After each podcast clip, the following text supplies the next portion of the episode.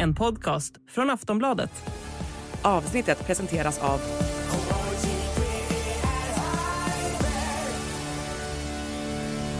Stödlinjen.se, åldersgräns 18 år.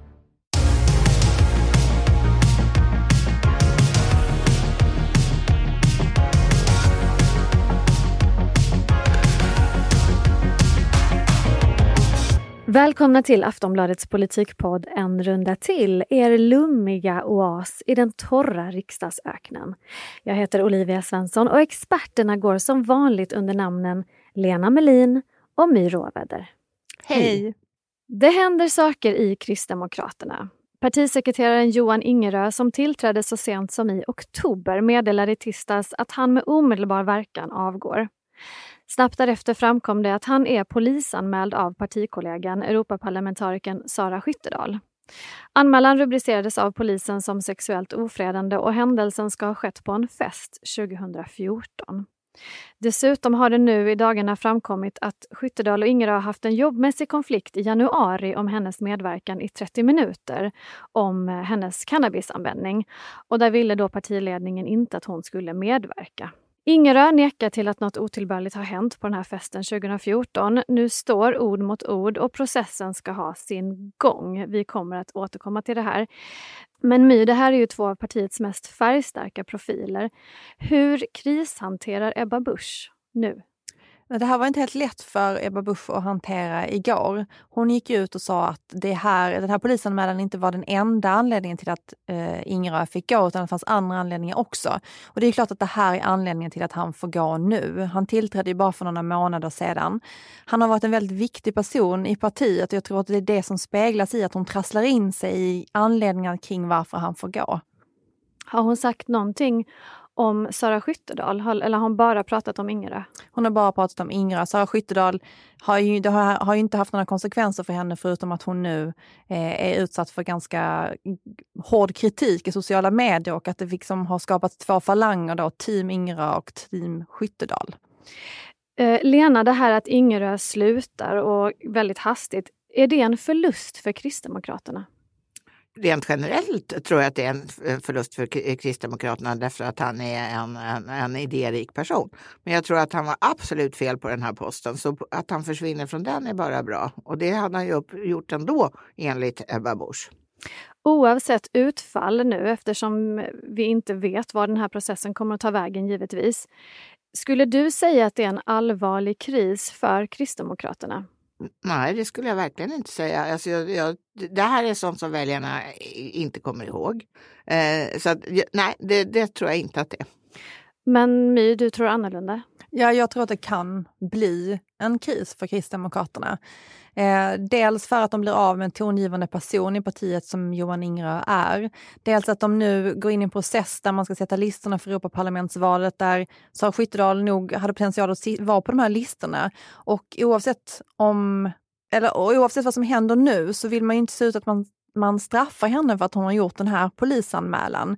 Samtidigt som hon ju är kontroversiell i partiet på grund av det där cannabis-legaliseringen, utspelet som hon hade i december då när hon var med i 30 minuter.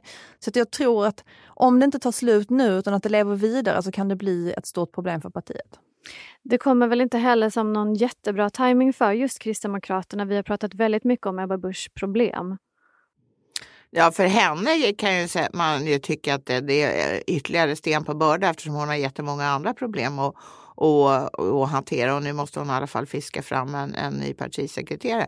Men alltså jag måste säga att när det gäller Johan Ingerös framtid i Kristdemokraterna är väl den lite oklar. Han är inte partisekreterare men om han är någonting överhuvudtaget eh, inom, i, i framtiden, det vet vi inte.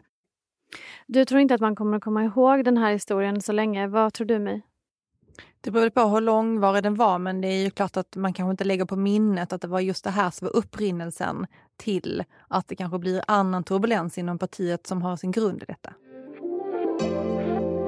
Vi befinner oss i en ekonomisk svacka. En tid där man bara genom att snegla på prislappen på en påse tomater i butiken kan få en lättare hjärtinfarkt. Man kan skylla på en massa saker lite beroende på vilken politisk färg man håller sig med, men ingen kan förstås ignorera de två stora händelserna som har lett oss extra långt ner i hålet. Pandemin och kriget i Ukraina. Så vad görs åt krisen? Ja, det ska vi prata om idag. Just nu så är det ju Elisabeth Svantesson, en 55-årig moderat nationalekonom från Örebro, som basar över regeringens ekonomiska politik. Sverige befinner sig i ett besvärligt läge. Den svenska ekonomi pressas av inflation, energipriser, det är höga räntor och eh, framförallt har vi ett krig i vårt närområde som självklart spelar stor roll för svensk ekonomi och påverkar svenska hushåll och svenska företag. Ett svettigt jobb får man väl ändå säga. Lena, när var det senast en finansminister hade det så här tufft på jobbet? Ja, det var ju Anders Borg under finanskrisen 2008 till 2012 kan man väl säga. Kan man jämföra den här krisen med den 2008 eller den på 90-talet på något sätt, tycker du? 90-talskrisen var ju den absolut värsta ekonomiska krisen som Sverige har gått igenom i modern tid och det går ju absolut inte att jämföra med, med dagens kris. Man skulle möjligen kunna jämföra med finanskrisen därför den hade kunnat löpa iväg på precis i, i samma dåliga riktning. Mm. Men den gjorde inte det tack vare ganska resoluta eh, insteg från eh, den dåvarande alliansregeringen. Men, men det är inte om jag minns rätt nu så är det så att Sveriges BNP har aldrig backat så mycket som under ett år under finanskrisen. Så illa men det, jag kan minnas fel. Men när, under 90-talskrisen så var det ett så att kronan tappade eh, 30 procent av sitt värde eller lite mer till och med. Så, eh, kronan eh, var, eh, var gravt eh, övervärderad innan, innan den fasta växelkursen tvingades överges. Och ehm, eh, efter det här med att Riksbanken försökte rädda den då med 500 procents ränta. Sen så var det också så att staten lånade ungefär, till ungefär var tredje utgiftskrona. Och så är ju absolut inte fallet idag. Och dessutom har vi då en rörlig växelkurs så även om kronan tappar i värde nu också så, så är, har vi vant oss vid det. Och sen så var det ju så att eh, arbetslösheten var ju skyhög. Mm. Det är en andeviskning Och det är som det är inte idag. på samma sätt nu. Nej. Men hur pessimistisk ska, ska, man vara? För att det som händer när det liksom luktar kris, om, om, man, om man vittjar eh, allvar, det är ju att man, man känner sig väldigt orolig. Alltså, eh, My, vad, vad, vad säger du? Hur pessimistisk ska man vara? Men alltså det är ju tråkigt nu och svårt. Och det har ju bara börjat. Och de andra kriserna är ju avslutade. Vi visste ju vad som hände och att man tar sig igenom det och man klarar av det. Eh, de flesta människorna i alla fall. Och eh, nu vet vi inte vad som kommer att hända. Det är väl det som oron ligger i också. Det finns bara en massa förutsägningar om att det kommer att bli eh, tråkigt. En, eh, en ekonomisk vinter som Elisabeth Svantesson beskriver det. Och det är klart att man, det, det känns oroligt när man inte vet vad som ska ske. Lena, när vi pratade häromdagen så sa du att den allmänna ekonomiska utvecklingen är inte så dålig som man skulle kunna tro. Vad menade du då?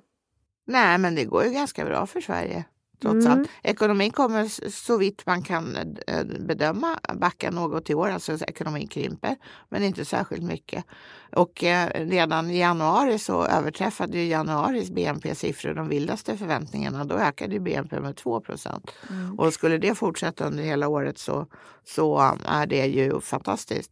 Sen är det ju så att arbetslöshetssiffrorna är inte särskilt mycket värre nu än de var förut. Varselsiffrorna är ganska låga för att vara en kris och eh, det, allmänt sett så, så är det faktiskt inte så dåligt förutom för hushållskassan. Ja, och dit kommer Mm. vi. Men när du pratar om det här med, med att det inte är så dåligt, då pratar vi ju på något sätt om, om eh, Sveriges eh, om Sveriges Makroekonomin. makroekonomi. Precis. Och den förra finansministern, sedermera statsministern Magdalena Andersson, hon pratade ju alltid om att spara i ladorna. Mm. Och då är jag såklart nyfiken på liksom, hur mycket har vi i ladorna nu 2023? Alltså vi har ju en ta- statsskuld.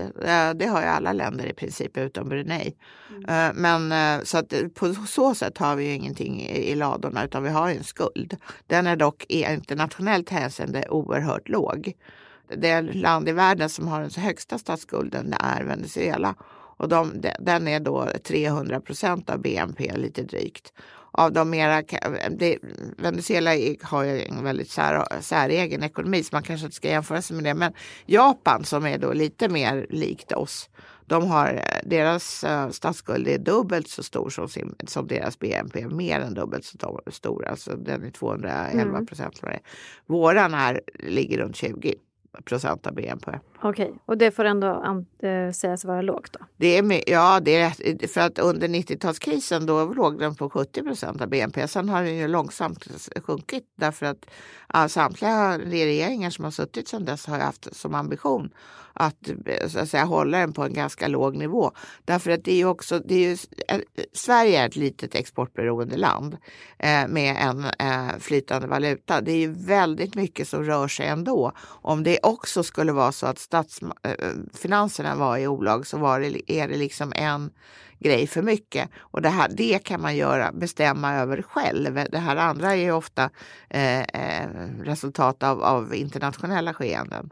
Det finns ju ett annat sätt också att titta på hur mycket pengar man har i ladorna och det är ju hur mycket reformutrymme en regering har. Alltså hur mycket kan man hur mycket pengar kan man använda till reformer utan att behöva spara in på någonting annat och ändå hålla sig inom det här budgetramverket som man är överens om att man ska ha. Och Konjunkturinstitutet de har då beräknat reformutrymmet för den här mandatperioden, alltså över fyra år, på 130 miljarder. Så att det finns ju fortfarande reformutrymme. Den siffran säger mig inte så mycket. Det är mycket pengar. Det låter så mycket pengar.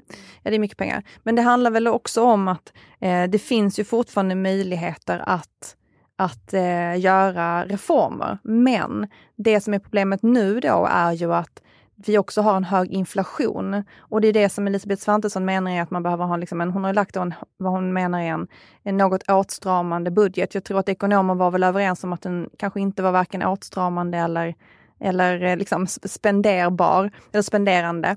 Eh, för att man inte ska driva på inflationen. Så att hade det varit en ekonomisk kris utan inflationen, då hade man ju kunnat satsa pengar ut ur den ekonomiska krisen på ett annat sätt än när man har både en hög inflation och eh, en ekonomisk kris. Men då kommer vi in i det som ju ändå blir intressant för oss som sitter eh, som inte sysslar med makroekonomi utan som håller i våra egna plånböcker och går till våra egna affärer varje dag. Människor. Människor i Sverige. Och vad gäller hushållen så är ju bilden ändå mörk för de allra flesta. Alltså det är många som gräver och gräver eh, i sina börser, i sina plånböcker, på sina konton utan att hitta så värst mycket för tillfället. Därför att det är väldigt mycket som har påverkat. Vi kan väl dra igenom lite hård fakta för Svantessons Sverige just nu. Vi har ju då den höga inflationen, vi har negativ tillväxt, vi har bromsade bostadsinvesteringar, dyrare mat, dyrare bensin, dyrare el, räntesmällar, hyreshöjningar eh, och kanske framför allt en rätt genomgående stor osäkerhet inför framtiden. Och en stigande arbetslöshet spår man ju också. Det kommer ju, det kom ju en nyhet om det nu i veckan, bara att det är en av de stora satsningarna i den här vårändringsbudgeten, att man ska försöka stoppa den utvecklingen. Ja, det kommer larm om stora företag som skär ner på, eh, på sina anställda också och som kanske planerar för att göra det också under året. Den här osäkerheten inför framtiden, vad får den för effekt för oss? Alltså osäkerhet i ekonomin är ju alltid det sämsta därför att då börjar folk hålla i plånboken. Och det gäller, samma gäller ju företag. Och då konsumerar vi ingenting? Nej, och det samma gäller företag. De ja. konsumerar inte heller, som, alltså de konsumerar inte mer än de behöver. Och det håller ju inte hjulen igång.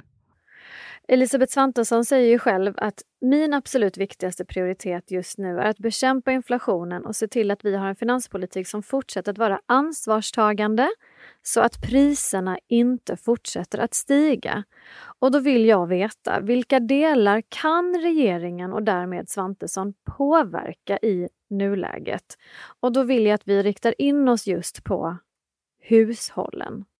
Den över, det övergripande ansvaret för att bekämpa inflationen har inte Elisabeth Svantesson och regeringen, det har Riksbanken och det gör de genom att förändra räntan. I det här fallet att höja den.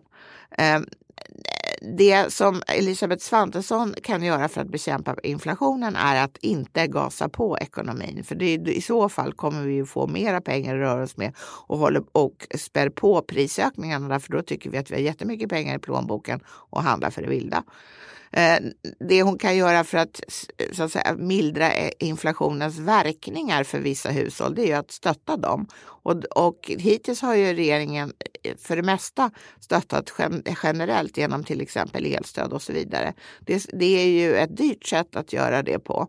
Man kan också göra som också den nuvarande regeringen gör, stötta vissa hushåll till exempel ensamstående med barn som för närvarande har ett förstärkt bostadsbidrag. Mm. My, vad gör regeringen? Nej, men de gör ju det. Sen det de brukar säga också är att man har, gett, eh, man har ökat eh, garantipensionen så att pensionärerna har mer pengar. För det som händer är ju att om man stöttar de utsatta hushållen så ökar kanske inte det deras köpkraft på något sätt, utan det gör bara att man kan handla sånt som ett hushåll behöver. Sen så kommer det ganska hårt tryck nu från oppositionen på olika typer av förslag som haglar fram här. Och jag tror att om Elisabeth Svantesson ska eh, fortsätta den här traditionen att vara en finansminister som tryggt guidar ett land genom en ekonomisk kris så kanske det är dags med lite mer initiativ. För som det ser ut nu så är det ju att hon liksom trycks framåt av oppositionens initiativ. Eh, och det är ju klart att de i den här regeringen också sitter och funderar över olika förslag och att det, när oppositionen då slänger ut sig så här många förslag, att det ser ut som att de hela tiden drivs framåt. Ett exempel är det här med att det har varit en debatt om matpriserna. Mm. Eh, och då har till exempel Vänsterpartiet sagt att ni, ni borde bjuda in matjättarna eftersom det då finns ganska dålig konkurrens på den här marknaden. Det finns tre stora aktörer. Och det har eh, Elisabeth Svantesson gjort nu? Ja, men nu har hon gjort det och det är väl bra. Jag vet inte, jag kan inte värdera det, att ha det samtalet. Men det blir ju också hela tiden att det ser ut som att hon trycks framåt av andras initiativ. Och att nu... hon inte själv tar dem då utan att hon reagerar på någon Precis, slags hon reagerar kritik. framför mm. att hon agerar. Mm. Och eh, nu är det ju då, det är ju begripligt på ett sätt eftersom de just nu sitter och förhandlar den här vårändringsbudgeten. Och man, de är ju lite fast då i att man kan inte gå ut och ha hur mycket utspel som helst när man sitter och förhandlar. Eh, men det är lite dålig tid helt enkelt för Elisabeth Svantesson. Jag såg att Miljöpartiet eh, eh kom med någon slags eh, stort helhetsgrepp eh, häromdagen för att bland annat då stötta barnfamiljer, slopa moms på basvaror, höja barnbidrag, tillsätta en kommission mot barnfattigdom. Allting Ma har de ju sagt innan, förutom ja. det här med frukost till alla skolbarn från Men det såg ju väldigt rimligt ut. Är det någonting som regeringen funderar på? Jag tror att de hade räknat ut att det skulle också kosta 9 miljarder, så det kostar ju också pengar att, att sänka momsen på mat som låter jättebra är ju helt idiotiskt. Man kommer ingen att märka. Ingen kommer märka det? Det har ingen effekt menar du? Nej, men alltså momsen är ju redan låg på mat och ska man sänka den ytterligare, det, det, kommer, alltså det är ju 50-öringar det handlar om. En kanske lite cynisk fråga i sammanhanget, men är det ett guldläge för en opposition när det är en finanskris? Av den enkla anledningen att just att man kan pusha på. Varför gör ni inte mer? Här står vi, eh, folk har inga pengar. Det ter sig som, en ganska, som ganska enkla poänger på ett sätt. Man kan inte bli för opportunistisk heller eftersom det här handlar om människors liv. Mm. Och att då blir det en riktigt djup finanskris så måste ju också politiken samla sig och hantera det. Lite som man gjorde under pandemin, att man samlar sig och ser till att hjälpa dem som har det svårt. Har vi sett att, tecken på det nu? Nej, det ser vi inte tecken på nu. Så det är väl nu det är väl nu de har sin chans att verkligen populista ut. Oppositionen generellt sett har det väldigt problematiskt just nu. Ingen bryr sig om dem. Därför att de kommer aldrig, inte ens om de, de fyra partierna är överens så kommer de att kunna trumfa över regeringen och Sverigedemokraterna. Det är en tråkig tillvaro för fyra partier kan man säga. Men här har de ju en, en lucka mm. opinionsmässigt i alla fall att kunna säga någonting. Vad gör en skicklig finansminister? Den eh, sköter ekonomin nu. Ja, men det är ju på en makronivå framför allt. Och det handlar ju om att parera konjunktursvängningar. Att lätta eh, i, i, eh, i lågkonjunktur och, och dra i bromsen under högkonjunktur. Så att svängningarna inte blir så stora. För de är också jobbiga. Allting som är oförutsägbart är jobbigt. Men i det här läget som vi är nu så det behöver inte vara en finansminister, men någon minister, statsminister eller finansminister behöver ju se till att människor inte känner sig så oroliga för sin ekonomi. Och det är väl där som också viss kritik har varit mot, mot Elisabeth Svantesson, att hon har varit osynlig. För att människor undrar och människor är oroliga. Människor går och handlar varje dag och varje dag möts de av att det blir dyrare. Varje dag möts de av att deras räntor höjs på deras bolån om de äger ett boende. Eh, de möts av att eh, liksom styrräntan, som de plötsligt behöver ha en relation till, som man inte har haft på flera decennier, eh, kommer att höjas, fortsätta höjas under året. Eh, de tankar, det är fortfarande dyrt. Nu kommer det elprisstöd, det har kommit en första runda, det kommer komma en runda till. Eh, men det kommer inte att täcka upp vad det kostar och vad det har kostat i vinter att hyra upp, eller att värma upp husen runt om i Sverige. Så det är klart att det här är ju en verklighet för många människor som är så påtaglig och det väcker en oro. Då behövs det ju också en politik som liksom kanske dämpar den oron till viss del. Det behöver du, inte vara finansministern. Det kan nej, ju vara statsministern, nämnde, men han har ju inte heller tid. Nej, för du nämnde synligheten. Är det här ett läge där Elisabeth Svantesson hade tjänat på att ha kanske någon slags vecko en presskonferens på Nej, veckobasis. Snälla, vi, vi orkar inte det mer. Som i pandemin, klockan fyra varje fredag så säger hon tittit. tittit. Nej, jag tror inte man ska accentuera. Det hade ju accentuerat att det var kris. Ja. Alltså det hade accentuerat bilden av att det är kris. Det är inte kris. Men du tycker inte heller att hon har varit tillräckligt synlig, eller hur? Nej, jag tycker hon har varit påtagligt osynlig ja. för att vara finansminister. De brukar ju poppa fram eh, ganska ofta och, och vara en av, av regeringens mest synliga statsråd. Men hon kanske har haft fullt eh, sjå att sätta sig in i sitt uh, nya arbete. Däremot, hon har inte varit finansminister längre än nej, från den 18 oktober. Men du tycker eh, å andra sidan att hon gör, gör ett vederhäftigt intryck? Vad menar du med det? Ja, men jag, ty jag tycker att hon uppträder bra. Hon, hon eh, verkar inte ha tapp tappat koncepterna Sen kan, mm, utan verkar ha liksom koll på läget.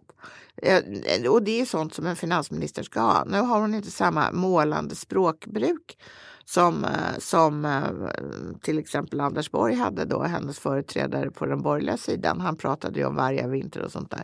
Även Magdalena Andersson körde ju väldigt mycket med sina mycket olika naturliknelser. Ja, men absolut inte som Anders Borg, utan han var ju, det, man såg ju Zorntavlorna framför sig. så att det, där har, ligger hon i lä. Men, men det passar kanske inte heller hennes person utan hon, är, utan hon använder sitt språk. Mm. Får jag lägga in en liten kommentar om, Elisabeth, om Elisabeth Svantesson? Jag vill påstå att hon också är en av de absolut trevligaste politikerna. Är det så? Mm. På vilket sätt? Jag tycker att man kan säga det ändå. Eh, hon, det kan också vara att hon känner igen mig. Det är ju någonting som folk inte brukar göra ja. och det har hon alltid gjort. Nej, men hon är alltid trevlig, tillmötesgående.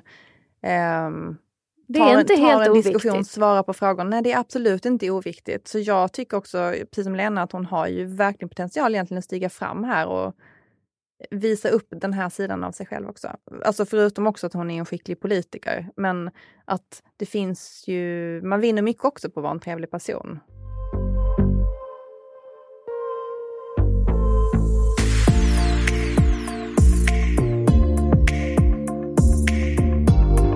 Lena, ja. på tal om Elisabeth Svantesson så har du ju tecknat hennes framtid. Jag vill veta hur den ser ut. Kan du berätta det för våra eh, poddlyssnare?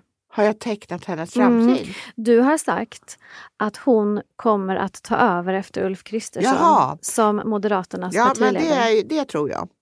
Den mm. dagen som Ulf Kristersson bestämmer sig för att han ska lämna, då tror jag att hon kommer vara den hetaste kandidaten. Nu kan saker och ting ändra sig under den period som, som återstår fram till detta ögonblick. Men, om, eh, men det är min prognos just nu. Och då vill jag givetvis veta vilka egenskaper ser du hos henne som du tror skulle passa?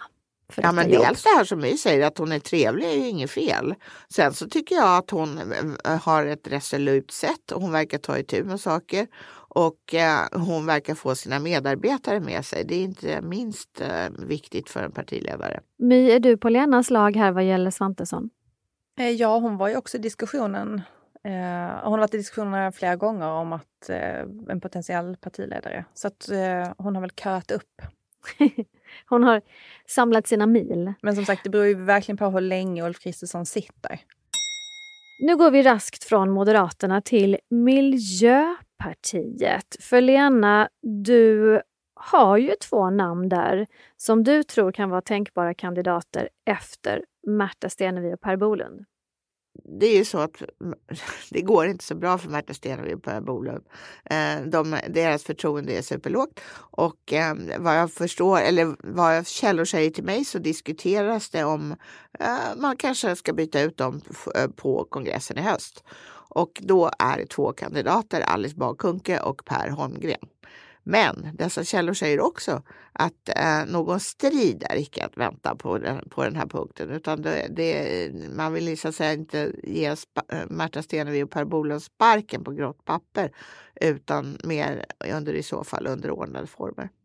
Alice Bakunko och Per Holmgren, det är ju stjärnnamn skulle jag ändå säga. Är det den glansen de behöver i Miljöpartiet skulle du tycka mig? Jag vet inte om det kommer spela någon roll egentligen vad de har för språkrör. För det är Ouch. inte bara språkrören, det är inte bara språkrören som är deras problem egentligen. Um, men Alice Bah Kuhnke har ju varit på den här önskelistan länge i Miljöpartiet. Man är ju väldigt eh, charmad av hennes eh, eh, personlighet och eh, kompetens och sådär. Men är det här två personer som ni tror också vill ha språkrörsposterna.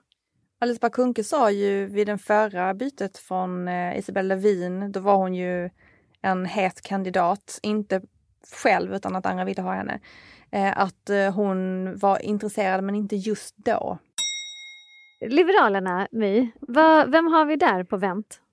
Alltså jag tror att Johan Persson kan tänka sig att sitta jättelänge. Ja, han ska göra en Alf Svensson? Ja, han ska bara gno sig fast. Han är inte heller någon som inte trivs. Men kan inte där bli tanke på någon strid då? Det kanske finns någon yngre, jag tänker på Pourmokhtari till exempel. Ja. Hon har kommit in nu i värmen. Alltså, jag tycker då en person som står ut bland Liberalernas ungdomspolitiker om man tänker att Johan Persson tänker sitta, bli utburen. Det är ju Lufs nya ordförande Erik Berg. Och eh, det, jag grundade lite på att vi hade inför vår debatt i höstas partiledardebatten så hade vi liksom en testdebatt innan med ungdomspolitiker där han verkligen stod ut som eh, en duktig politiker och i hans nya roll kommer han ju växa ytterligare och han är ju väldigt ung men jag spår ändå att om ingenting oförutsägbart händer så att han har en bra framtid inom partiet. Intressant tips. Vad säger du om det Lena? Jo, men han var jätteduktig när vi, inför vår partiledardebatt i början av augusti. Att när vi hade det, liksom en, en, en övningsomgång här.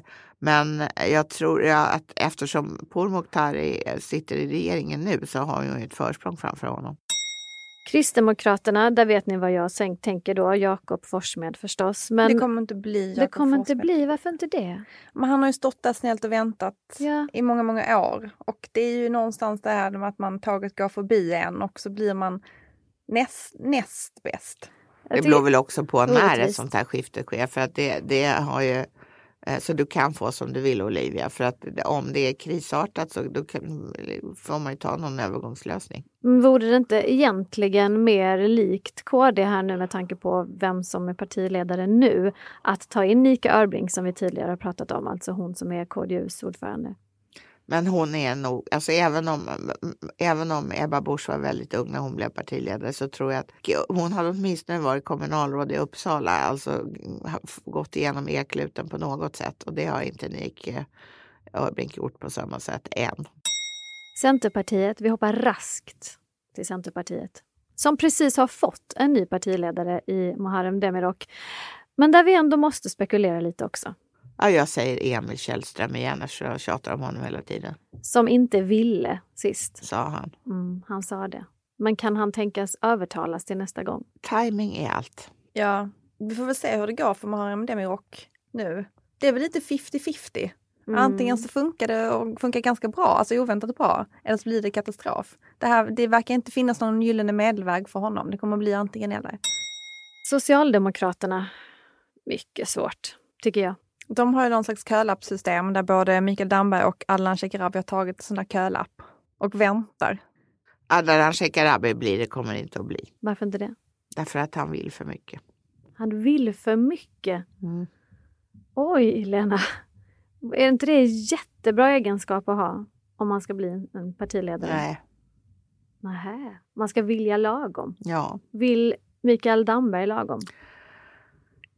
Han är ju ganska mycket äldre än, än Ardalan Shekarabi så att jag tror för honom um, är det inte lika viktigt. Han har redan varit finansminister. Han har liksom eh, ändå haft ganska upphöjda positioner inom, inom både sitt parti och, och regeringen. Men eh, uh, och han är inte heller lika ärelysten som jag uppfattar att Ardalan Shekarabi är. Så att jag tror att han, han tar det lite mer piano. Han är väl bara åtta år äldre egentligen, även om det känns kanske som en generationsklyfta. Men finns det inget riktigt så här ungt färskt namn där? Det har vi pratat om tidigare. Var är de här unga heta sossarna? Gud, det är vårt mest populära. Det finns det någonting vi har upprepat Men mer varför i är den det här ingen som podden? hör av sig till oss och Nej. säger vilka de är? Snälla När mejla vi in. sitter här Ja. i desperation och Nästa vecka ska vi ha ett namn, annars kommer jag bli Men jättearg. kan inte någon höra av sig och säga vilka de är till oss? Mm. Vi måste hinna med Vänsterpartiet också och då Mm. vill jag börja. Jag efterlyser Hans Linde. Kommer ni ihåg Hans Linde? Absolut. Var inte det någonting av det charmigaste som har stått i ett par vänsterskor? jo, Ja, kan, varför drar de inte in honom efter Nooshi? Perfekt. Ja, nu, nu har inte hon Tystnaden breder suttit- ut sig. Ja, nej, men alltså, ja, Ja, men det här, vi jag- spekulerar ju fritt nu. nu Ja, spekulerar vi så här efter Nooshi liksom. Ja, men eh, dels har ju hon inte suttit så himla länge än. Så att det, det kanske inte har utkristalliserat sig någon, någon efterträdare. Och han är ju inte partipolitiskt aktiv just nu. Det Nej. ligger honom kanske lite i fatet. Men en comeback gillar man ju alltid. Absolut. Vad säger du? Ja, han var en duktig politiker när han var politiker. Sen beror det också på, det, när man har ny, ganska nya partiledare så är det ju då en bra bit fram till bytet oftast. Inte alltid, men oftast. Och det handlar ju så himla mycket om vilken väg partier tar. Som det ser ut i det politiska landskapet så kan man ju göra ganska tvära riktningskast i politiken. Alltså vilken, vilken, liksom vilken politisk riktning, vilken fokus ska ett parti ha? Och det handlar ju så himla mycket om sen vem som då blir efterföljare. Om det liksom har varit, om det är en falangstrid som står bakom det här förändringen på partiledarposten eller om man har, är nöjda med den inriktning man har tagit. För då ofta så väljs ju ganska många bort på grund av att man inte står 100% bakom den sån inriktning. Eller att man har annan fokus. Så att det beror så himla mycket på var det politiska landskapet landar. Men nu har du ett parti kvar. Mm. Det är kanske mest intressanta tycker jag i sammanhanget, Sverigedemokraterna, för de har ju inte bytt på as länge. Förlåt den här milda svordomen. Alltså Jimmy Åkesson är inne på sitt i princip 130 år som partiledare. I alla fall i hundra år. Ja, ja alltså, och han, vi har pratat om det också. Var är han? Vad gör han? Han syns inte så mycket. Han känns som att han kanske vill ha ett annat liv. Så där är det ju på något sätt kanske högaktuellt att diskutera vem som skulle kunna Han efterträda. går ju snart in här vilken månad som helst på sitt 19 år. Ja, det är ju i princip 130. Mm.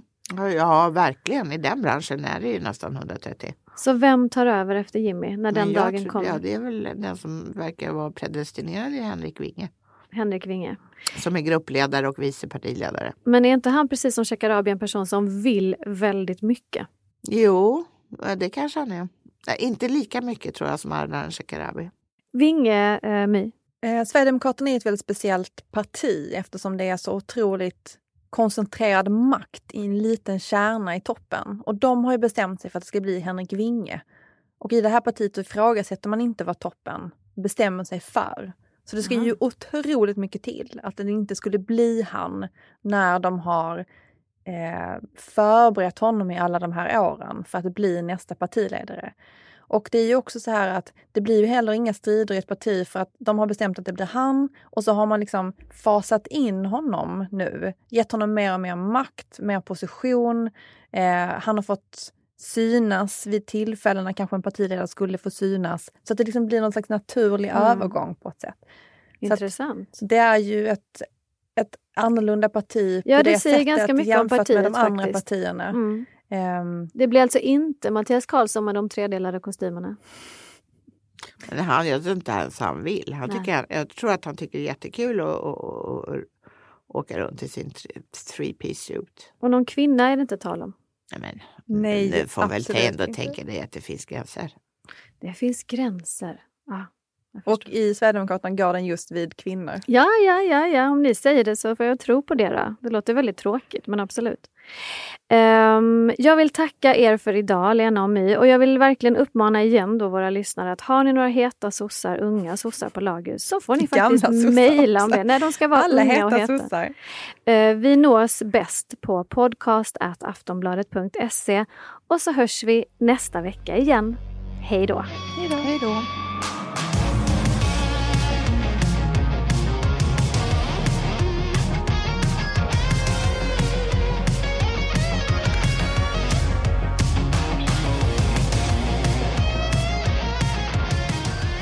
Du har lyssnat på en podcast från Aftonbladet. Ansvarig utgivare är Lena K Samuelsson.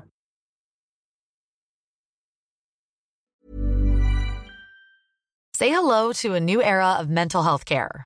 Cerebral is here to help you achieve your mental wellness goals with professional therapy and medication management support. 100% online. You'll experience the all new Cerebral Way, an innovative approach to mental wellness designed around you. You'll get a personalized treatment plan from a therapist, prescriber, or both in a safe and judgment free space. Your cerebral therapist or prescriber will outline a customized plan with clear milestones along the way so you can get to feeling your best. With Cerebral, you're not alone in your mental health journey. We're here to empower you to live a fulfilling life. So take that first step towards a brighter future and sign up today at cerebral.com slash podcast and use code ACAST to get 15% off your first month. Offer only valid on monthly plans. Other exclusions may apply. Offer ends July 31st, 2024. See site for details.